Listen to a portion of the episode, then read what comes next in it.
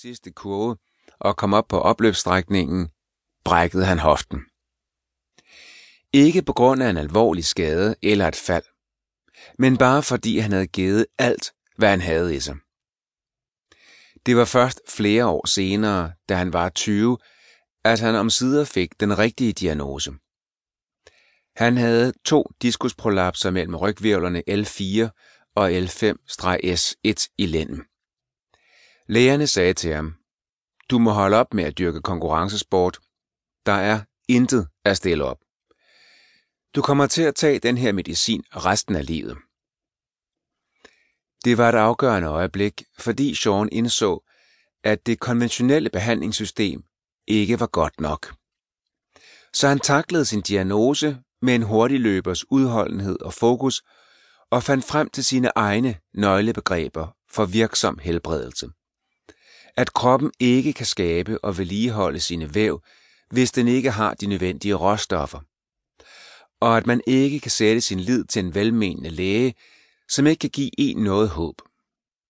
Inden for funktionel medicin, den type systembaseret lægegærning, som jeg udøver, hvor vi behandler de grundlæggende årsager til symptomerne, kalder vi det for en pleiotropisk løsning, der inddrager ernæring, motion, stressreaktioner, relationer og selvomsorg. Han begyndte at spise sundt og økologisk og øgede sit indtag af mikronæringsstoffer. Han brød sig ikke om grøntsager, så han begyndte at drikke grøntsagsjuice som en genvej til de gavnlige virkninger. Og hvad der muligvis var det vigtigste, forbedrede han sin søvnkvalitet.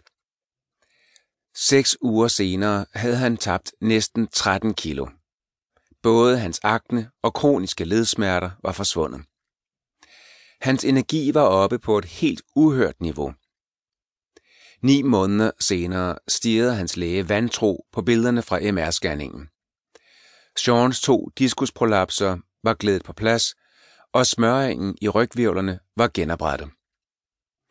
Han var endda blevet mere end 1 cm højere. Det var lykkedes ham fuldstændig at bremse nedbrydningen af knoglerne og i stedet bygge dem op igen.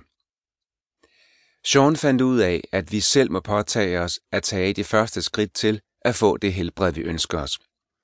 Og hans mission her er at vise dig hvordan. Under søvnen produceres der væksthormoner, sådan at vores krop kan vedligeholde og udbedre muskelvævet og holde fedtlaget på maven nede.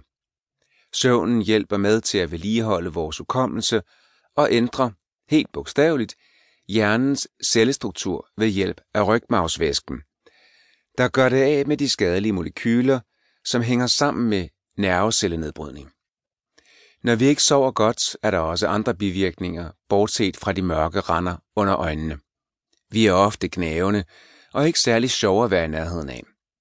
Vores vigtigste relationer og forældrefærdigheder lider under det. Arbejdseffektiviteten daler, kortisolniveauet i kroppen, et nøglehormon for stress, bliver højere, og det får os til at spise mere og danne mere fedt på maven. Skjoldbruskkirtlen svækkes, insulinproduktionen fungerer ikke så godt, og vores blodsukker går amok. Vi kan ikke få mudderet ud af hverken hjerne eller sjæl. Vores risiko for at få kræft bliver fire gange højere, alt afhængigt af varigheden og omfanget af søvnmanglen. Vi får øget risiko for sukkersyge, stofskifteforstyrrelser og hjertesygdomme. Når du forbedrer din søvn ved hjælp af rådene i bogen her, vil du sandsynligvis opleve følgende gavnlige virkninger. Bedre hud og et mere ungdomligt udseende, mere stabilt følelsesliv og bedre relationer til andre. Mindsket risiko for hjerneblødninger og hjertesygdomme, færre ulykkestilfælde, færre forekomster af betændelsestilstande, styrket immunforsvar og mindre risiko for kræft og infektioner. Velafbalanceret hormonsystem, hurtigere vægttab, færre smerter, stærkere knogler, mindsket risiko for Alzheimer og demens, samt bedre hukommelse og længere levetid. Jeg vil opfordre dig til at forbedre din søvn efter Sean Stevensons råd. Jeg betragter Sean som